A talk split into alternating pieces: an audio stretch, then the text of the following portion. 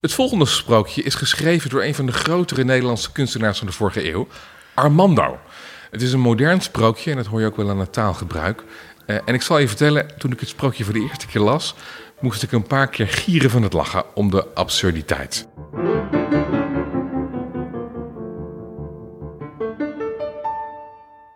Piet Pronk, welkom.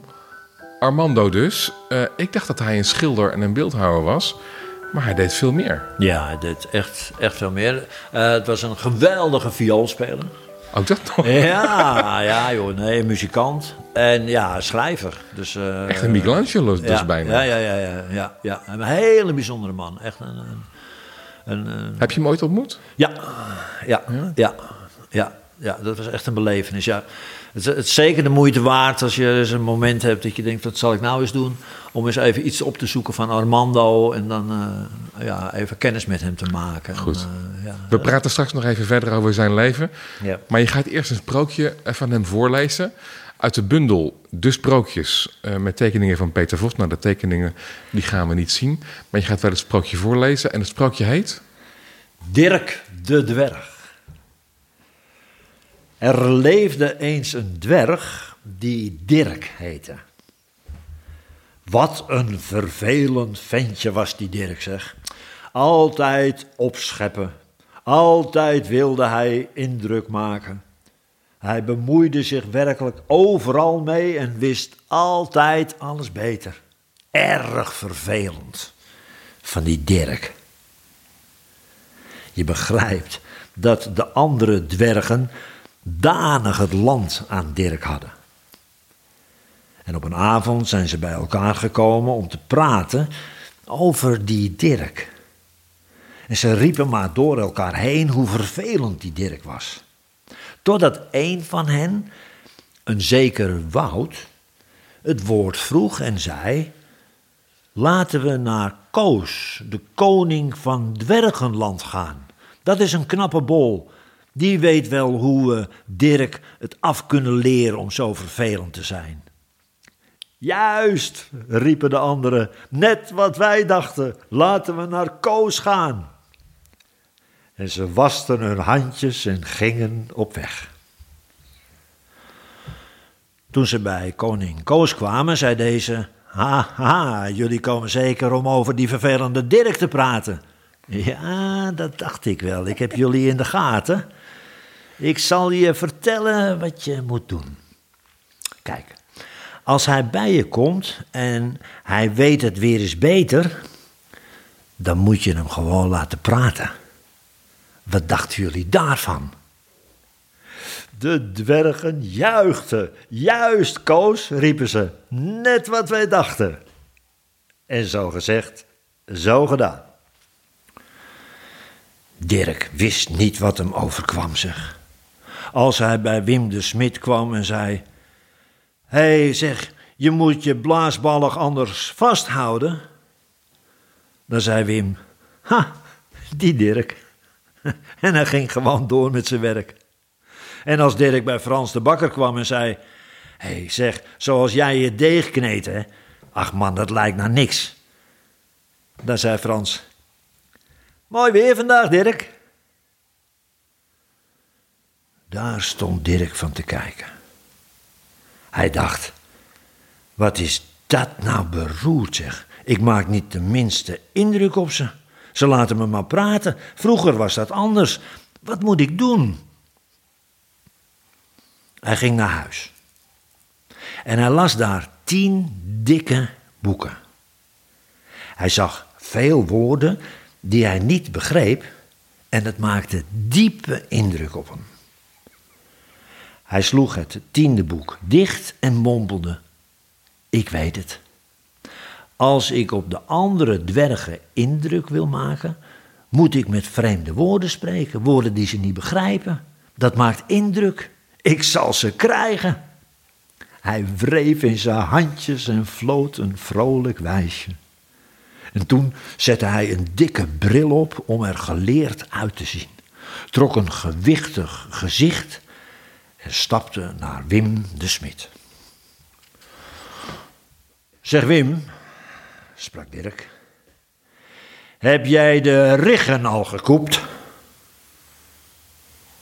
Wim de Smit hield meteen op met zijn werk. Wat zeg je? vroeg hij verbaasd. Ik zeg, zei Dirk, heb jij de riggen al gekoept? Ja, het is maar een vraag. Als je het niet weet, hoef je geen antwoord te geven, hoor. Ik zou het niet weten, antwoordde Wim. Ik zou het waarachtig niet weten. Nou, kijk, daar heb ik je, sprak Dirk. Jij als smid moet toch zeker wel weten of je de riggen al gekoept hebt? Nou ja, ik ga maar weer. Zo, dacht Dirk toen hij wegstapte. Ik heb indruk gemaakt, dat staat vast. En Wim de Smit dacht toen Dirk weg was. Je kan zeggen wat je wil, maar die Dirk is toch een knappe bol hoor. Hij weet meer van mijn vak dan ik. Ik ben diep onder de indruk. Intussen was Dirk bij Frans de Bakker aangekomen. Zeg Frans, sprak Dirk, heb jij de bakels al gestakerd? Frans hield meteen op met zijn werk. Wat zeg je? vroeg Frans. Ik zeg, zei Dirk, heb jij de bakels al gestakerd? Nee, zeker hè? Nou, het is maar een vraag. Ik zou het niet weten, antwoordde vrouw. Ik zou het waarachtig niet weten. Nou, kijk, daar heb ik je, sprak Dirk. Jij als bakker moet toch zeker weten of je de bakels al gestakerd hebt? Nou ja, ik ga maar weer. Zo, dacht Dirk toen hij wegstapte. Ik heb indruk gemaakt, dat staat vast. En Frans de Bakker dacht toen Dirk weg was. Het is toch een knappe bol hoor, die Dirk.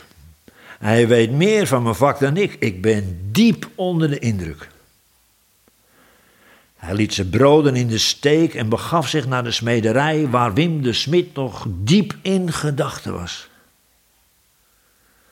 Is Dirk toevallig bij jou geweest? vroeg Frans. Ja, zei Wim, praat me er niet van. Hij vroeg me of ik de riggen al gekoept had. En ik weet niet eens wat het is. Ik geloof toch dat Dirk een knappe bol is hoor. Hij weet meer dan wij. Nou, dat weet hij zeker, zei Frans de Bakker. Hij was ook bij mij en ik vroeg, hij vroeg of ik de bakels al gestakerd had. Nou, ik, ik, weet niet wat het is. Ik was diep onder de indruk van zijn geleerdheid. Ik dacht, joh, laten we naar Koos de Koning gaan. Stelde Wim de Smit voor. Want zo kan ik niet verder werken. Je hebt gelijk, beaamde Frans de Bakker. Misschien weet hij er wat op. En ze wasten hun handjes en gingen op weg. En toen ze bij koning Koos aankwamen, riepen ze... Dirk is bij ons geweest en zei dingen die wij niet begrepen. Hij is toch een knappe bol en hij droeg ook nog eens een keer een bril. Tut, tut, tut, tut, tut, tut, tut, tut, tut, zei koning Koos, die zich onbehagelijk begon te voelen. De enige knappe bol in Dwergenland ben ik, begrijp je dat? En een bril, een bril maakt op mij geen enkele indruk. Maar, riep Wim de Smit, hij vroeg aan mij of ik de riggen al gekoept had. En aan Frans vroeg, vroeg hij of, of hij de bakels al gestakerd had. We weten niet wat het betekent. Weet jij dat soms? Jij bent toch zo'n knappe bol, hè? Ja, het is maar een vraag. Koning Koos slikte even. Het zweet stond in zijn handen. Uh, wat zeg je, stotterde hij? De, de, de, de, de rakels uh, ge, geboept? Uh, de stokels? nee, nee, nee, niet precies. Nee, ik weet niet precies, nee. Ah, daar hebben we je, Koos. Riepen Wim en Frans tegelijk. Misschien is Dirk een knappere bol dan jij. Maar Koos zei: We zullen zien. Stuur Dirk maar eens naar me toe. Ik zal wel met hem praten. En hij dacht stiekem: Als hij werkelijk knapper is dan ik, zal ik hem ter dood laten brengen. Anders maken ze Dirk koning en heb ik het nakijken. De volgende dag kwam Dirk, nadat hij zijn handjes gewassen had, bij Koos de koning. Dag, Dirk, sprak Koos. Wat heb jij aan Wim de Smit gevraagd? Oh, antwoordde Dirk, of hij de riggen al gekoept had, meer niet. En, sprak Koos, mag ik weten wat dat betekent? Nou, zei Dirk, Ik zou het niet weten. Ik wilde indruk maken, voel je? Ja. En toen vroeg Koos, eh, wat heb jij aan Frans de Bakker gevraagd? Nou, eh, zei Dirk, eh, of hij de bakels al gestakerd had. En, sprak Koos, mag ik misschien weten wat dat dan weer betekent? Ja, ook dat, zei Dirk, weet ik niet. Ik wilde indruk maken, voel je? Ah. Nou, Dirk, zei Koos, de koning van het Wergeland. Dirk, je maakt op mij geen enkele indruk en je houdt de mensen van hun werk. Ik zal je straffen. Je wordt verbannen naar een ongezond eiland. Dat kan zijn, antwoordde Dirk, maar mag ik je dan eerst iets vragen? Ja, natuurlijk, ga je gang, zei Koos. Nou, mijn vraag luidt, sprak Dirk, heb jij als koning zijnde ooit de Gannels bestogen? Ja, het is maar een vraag. Ik zou het echt niet weten, antwoordde Koos. Ik zou het echt waarachtig niet weten. Kijk, daar heb ik je, sprak Dirk. Jij als koning moet toch weten of je ooit de Gannels bestogen hebt? Nou ja, dan ga ik maar weer. Zo, dacht Dirk toen hij wegstapte. Ik heb indruk gemaakt, dat staat vast. En Koos de Koning dacht toen Dirk weg was: Het is toch een knappe bollo, die Dirk. Hij weet meer van het koningschap. Ja, hij weet er meer vanaf dan ik. Ik, ik ben diep onder de indruk. De volgende morgen kwamen Wim de Smit en Frans de Bakker bij de koning langs en vonden hem diep in gedachten. Nou, we zien het al, riepen ze. Dirk heeft je iets gevraagd en je wist het antwoord niet. Precies, zei Koos. Hij vroeg of ik ooit de Gannels bestogen had en ik weet niet wat het is. Ik ben echt diep onder de indruk van zijn geleerdheid. Ja, nou ja, hieruit blijkt, zeiden Wim en Frans, dat Dirk een knappere bol is dan jij en daarom moet hij koning worden. En hoe Koos ook protesteerde, Dirk werd de nieuwe dwergenkoning en Koos werd verbannen naar het ongezonde eiland. En Dirk, die draagt nu vijf brillen om er nog geleerder uit te zien. En van regeren weet hij helemaal niks. Maar de dwergen zijn diep onder de indruk. En daar gaat het per slot van de rekening om. ik moet ook, ik moest echt gieren van het lachen. Ja. Omdat elke keer als die dwergen naar de koning gaan, dan wassen ze eerst eventjes hun, hun Ja, handjes. dat is een handjes, ja. Mooi hè? Dat- Ja. Alsof dat het allerbelangrijkste is voordat je naar de koning gaat. Ja. Dat je even je handen Ja. wast. Eh, prachtig. Hey, maar naast dat het gewoon een goed verhaal is, dat om te beginnen. eh, en heel erg grappig, heeft het wel degelijk ook een goede betekenis. Toch? Waar gaat het voor jou over? Wat lees jij erin? Nou ja. Dat je met een heleboel onzin heel veel indruk kan maken. Ja. Ja. En dat is in zekere zin ook gewoon een maatschappijkritiek Ja. Ja. die die heeft. Ja, ja nou en of. Ja, nee, Armando heeft, heeft, heeft heel veel meegemaakt. En ja, in die zin, zeg maar, dat vind ik ook het knappe van hem. Net zoals in zijn schilderijen ook en in zijn beelden. En, en eh, ja, geeft hij daar kritiek op op een of andere Je manier. zegt eh, dat je met een hele hoop onzin ver kunt komen. Dit boekje of dit sprookje heeft hij geschreven in 1990. Ja, Het is nou niet bepaald minder geworden dat Nee. je met onzin ver kunt komen. nee. Nee, nee dat is zo. Nee. Dus daarmee heeft hij de tijdsgeest mooi gepakt. En Ja. het blijft actueel, ook dat ja, nog. Ja, ja, ik denk ook dat dat de, ja, de kracht van kunst is ook inderdaad. Dat het, eh, natuurlijk niet van alles, maar wel van... Wel van blijvende kunst. Ja, nou ja, Ja. maar dat het dus nog zo'n grote zeggingskracht heeft. En dat hij... eh, ja. dat hij Want kijk naar een hoop eh, taal die gebezigd wordt in managementlagen. Ja. Bij de overheid, waar dan ook. ja. Dat staat ja. vol met taal. En dat maakt allemaal indruk. Het maakt indruk en het schept natuurlijk ook uiteraard ja, verwarring. En, Vaagheid. Ja, vaagheid, ja. Dus eh, ja, het is eigenlijk het tegenovergestelde van elkaar echt werkelijk ontmoeten. en Want dat zien. is het gevolg ervan. Dat het ontmoeting eigenlijk in de weg staat. Ja, ja, Wij mensen zijn gemaakt voor ontmoeting. ja, Voor het leggen van verbinding. ja.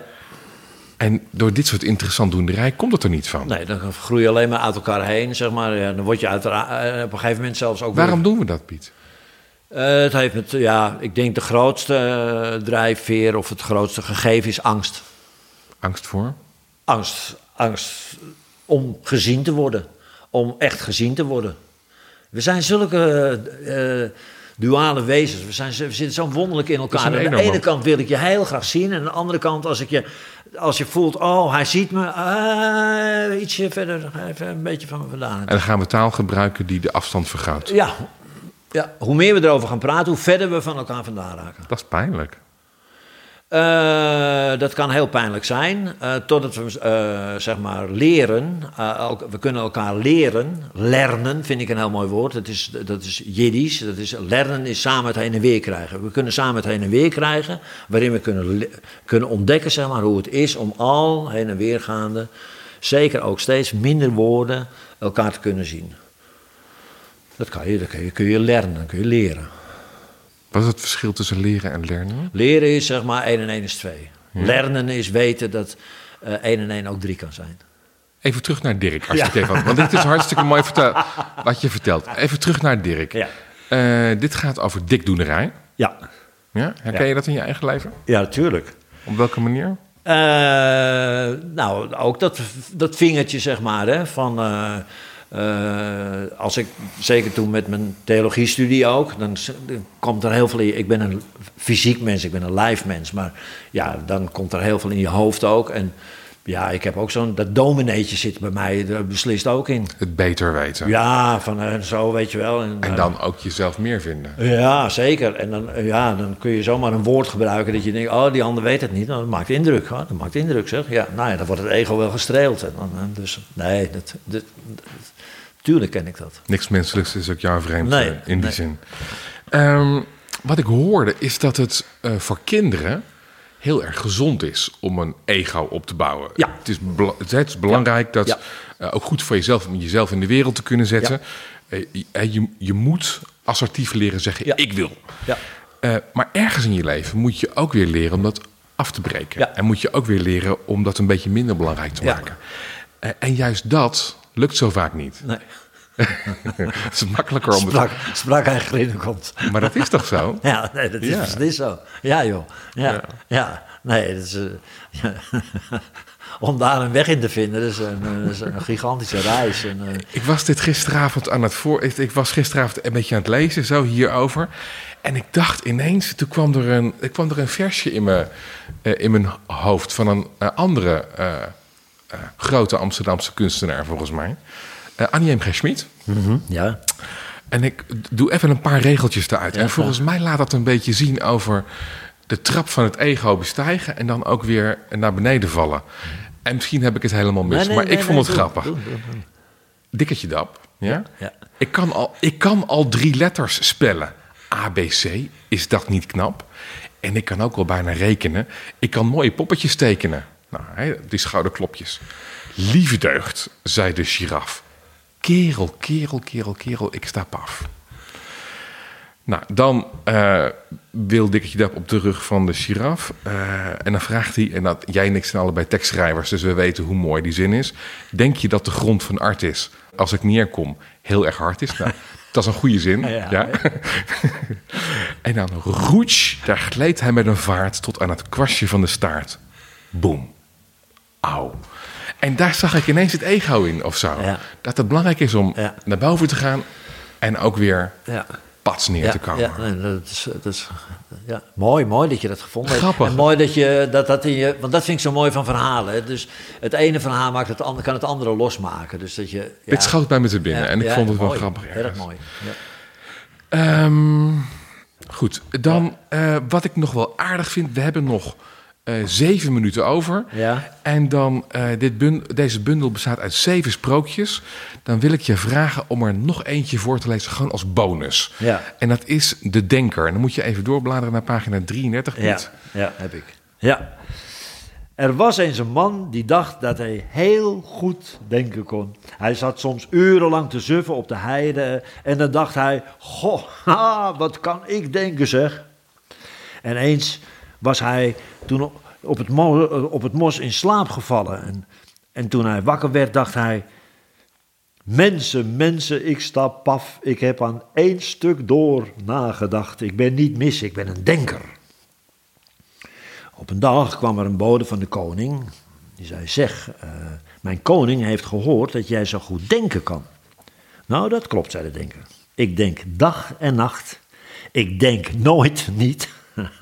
ik sta er soms zelf versteld van. Nou, zei de bode, dat komt mooi uit, want de koning schijnt niet meer zo goed te kunnen denken. Hij heeft je nodig. Ga maar gauw met me mee. Maar ik wil eerst wat bij je eten. Oké, dus goed. Wat dacht je van een boterham? vroeg de denker. Dat is goed, zei de bode. Mits er flink beleg op zit, kaas of zo. Ah, je zegt het maar, antwoordde de denker. En nadat de bode een flink belegde boterham met kaas gegeten had, gingen ze op stap. Na een reis van wel vier dagen bereik, bereikten zij het paleis waar de koning in zak en as zat. De godganse dag zat hij te klagen van ach en wee. En waarom? Omdat hij zijn gedachten er niet bij kon houden. Hij was ten einde raad. En zijn ministers wisten het ook niet meer wat ze ervan denken moesten. Zodoende wilden ze best wel eens iemand zien die goed denken kon. Hier, sprak de bode, hier is de man die zo goed kan denken. Ik heb er onderweg niks van gemerkt. Hij zei niet veel, hij liep maar wat te suffen. Maar hij gaf me een flink belegde boterham met kaas. Eerlijk is eerlijk. Hou je brutale mond, zeg, riep de koning. Wat denk je wel, ben je helemaal? Over boterhammen te praten terwijl ik ten einde raad ben. Je moet heus niet denken dat jij hier als bode wat te vertellen hebt. Ja, daar heb je gelijk in, gaf de bode toe. Ik ga al. Zo, zei de koning, die is weg. Wat een verwarring, wat een drukte. Wie is dit nu weer? De koning wees op de denker. Ja, ik weet niet wat ik hiervan denken moet, sprak de denker verbaasd. U heeft mij door de bode laten halen, hij heeft mij een boterham met kaas gegeten, ik heb een reis van vier dagen achter de rug, eindelijk ben ik hier en dan vraagt u wie ik ben. Weet u hoe ik dat vind? dat vind ik raar. Nou, zie je zelf, zei de koning, mijn gedachten zijn volkomen op de loop. Zo, dus jij kan zo goed denken. Zeker, beaamde de denker. Nou, vooruit, beval de koning. Denk eens goed na. Ja, makkelijk gezegd, antwoordde de denker. Ik heb vier dagen niks gegeten. Eerst een boterham met kaas en dan zullen we eens nadenken of ik denken wil. nou, dat is goed, zei de koning. Je krijgt meteen je boterham, maar dan wordt er nagedacht. Punt uit. Geen denken aan, antwoordde de denker. Eerst wil ik de beloning weten. Zelf dacht ik aan een vrouw. Heb je niet een dochter of zo in huis? Ah, de koning fronste zijn voorhoofd. Even denken, zei hij. Ik heb er twee of drie in huis, misschien wel vijf. Ik zou het niet zo precies weten. Wat denken jullie, ministers? Hoeveel zijn er in huis? De ministers zaten net danig te knikkenbollen, dus ze schrokken zich een hoedje. De een riep, u heeft gelijk, en de andere mompelde, wel zestig. Een derde zei, ja, ja, dochters, ja, ja. Had ik het niet gedacht, zei de koning. Ze zitten weer te suffen. Gelijk hebben ze, zei de denker met volle mond. Wat moet je anders? Zegt die boterham, die smaakt hoor. Allicht, antwoordde de koning, het is een boterham van het hof. En wat die dochters betreft, één is er in huis in ieder geval, dus je gaat niet met lege handen naar huis, dacht ik zo. Nou, kom op, aan het werk. Laat je gedachten er maar eens over gaan. Nou, daar gaat hij dan, zei de denker. Hij liep de heerlijk geurende tuin in, zocht een mooi wit bankje op, slikte nog wat kruimeltjes van zijn boterham weg en ging zitten denken. En zijn gedachten gingen heuvel op, heuvel af, vlogen langs de hoge wolken en de blauwe lucht, zweefden boven de grote zeeën. Nou, zo zat hij wel een week. En toen kwamen zijn gedachten langzaam weer naar het witte bankje terug. Foei, ha, was me dat denken, dacht hij bij zichzelf. Dat doet echt niemand me na. De koning zal wel tevreden zijn. Nou, kom op, en nu de dochter. Hij wreef zijn ogen uit, gaapte luid en zei: Koning, ik ben klaar met denken. Dat merk ik, zei de koning. Het was een prachtig gezicht. Ik heb je gade geslagen. Ik ben zeer tevreden. Je hebt je kranen geweerd. Bedankt hoor, je kunt gaan. Toen zei de denker: Ja, dat had je gedacht. Eerst de dochter. De koning schrok. Zie je nou wel, mijn gedachten zaten nog helemaal bij jouw prachtige denken. Maar ja, goed, natuurlijk krijg je mijn dochter. Het is wat leuk voor mij om een denker als schoonzoon te hebben. Kijk, regeren kan ik wel, daar is niks aan. Maar denken, ja, dat lukt me niet. Hij wenkte de bode. Zeg bode, breng jij eens alle dochters die je hier in huis kunt vinden. En vlug een beetje, hè? Hup, graag, hupzee. Ik ga al, riep de bode. Terwijl hij wegrende om de dochters te zoeken, dacht hij bij zichzelf. Zo zie je maar weer, wie denken kan, krijgt de dochters. Na een uur kwam de bode terug met twaalf dochters. Dat is alles wat ik heb kunnen vinden, koning, sprak de bode. De denker keek zijn ogen uit. Nou, dat valt me zat mee. Ik vind ze allemaal even mooi. Hij dacht na en koos toen de dikste uit. Zo, zei hij, geef me deze maar. En aan de dochter vroeg hij, wat dacht je ervan? Wil je met me trouwen? Je mag het zelf zeggen. En de dikke dochter schaterde het uit. Ik denk het wel, riep ze. Ze trouwden samen en leefden tamelijk lang. Sorry dat ik door je heen begon te lachen. ja, nou, dat, moet me toch een prachtig tafereel geweest zijn, zeg. Hè? Zo. Wat een prachtig bonusverhaal, dankjewel. En dankjewel ook jij dat je luisterde naar deze aflevering van de Sprookjespodcast. In de Sprookjespodcast hoor je elke aflevering een nieuw sprookje van over de hele wereld. Mijn naam is Basti Barancini en vandaag hoorde je uh, de geweldige verhalenverteller Piet Pronk. Uh, hij schreef in een ver verleden verhalen voor radio en televisie, treedt nu ook af en toe op uh, als verhalenverteller en werkt met herstelverhalen voor mensen die in de psychiatrie zijn beland. Kijk voor meer info op pietpronk.nl. En dan gaan wij, Piet, nu eventjes onze handjes wassen en de boterham eten. Bravo.